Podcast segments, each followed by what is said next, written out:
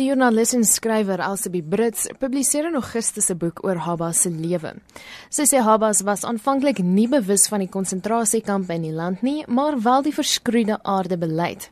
Sy het 'n fonds gestig en in 1901 na Suid-Afrika vertrek om hulp te verleen.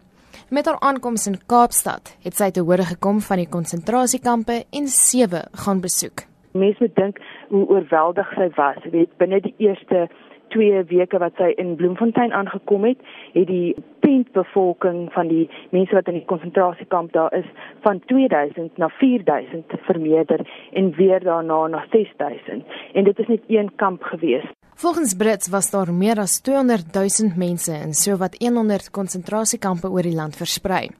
Albas het nie geskroom om self uit te vind hoe lewe binne die kampe was nie.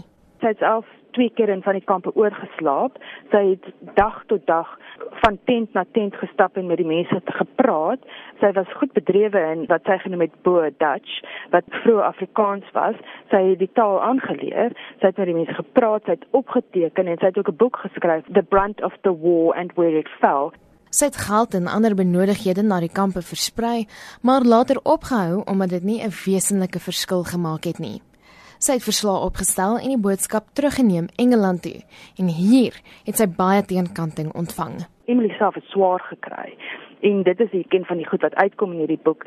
Sy het hier aangekom op die skip geklim 2 dae later en in Engeland aangekom en is daar waar die wond gebars het.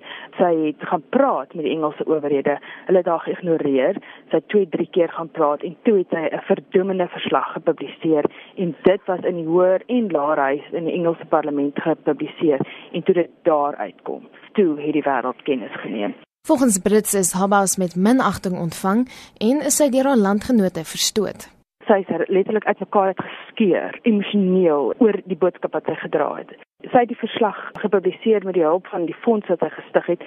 So daardie jare het hy 'n verslag gepubliseer en dan kon mense dit vir 2 of 3 pennies koop en daai verslag is toe voorgelê deur die liberale party in die parlement wat in die House of Lords en die House of Commons waar dit bespreek is. Sy het verskeie ander verslae ook gepubliseer en toesprake gehou. Iets is 26 toesprake in 'n maand gehou in Engeland, maar weer eens die mense daar met vrot groente en goeders bestoop van die mense. En hulle wou nie eintlik haar boodskap hoor nie, maar dit het 'n invloed gehad. Toe Habous 'n tweede keer na die land teruggekom het, is sy op grond van die krygswet in die Kaapstad in hegtenis geneem. Sy is 5 dae lank in die hawe op 'n skip aangehou onder arrest en sy is gedeporteer.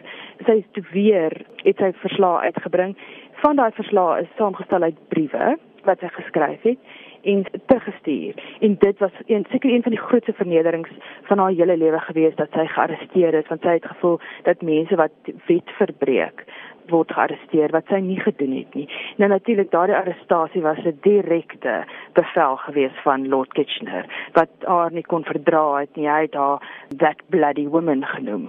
En sy het natuurlik redelike woorde vir hom ook gehad, weet sy het kras kras briewe aan hom geskryf. Maar sy het dit daarin geslaag om tog die militêre owerhede. Onthou, daardie tyd in was Brittanje die imperiale ryk gewees. Dit was die magtige land in die wêreld gewees en sy het daarin geslaag om hulle agteroor te laat buig.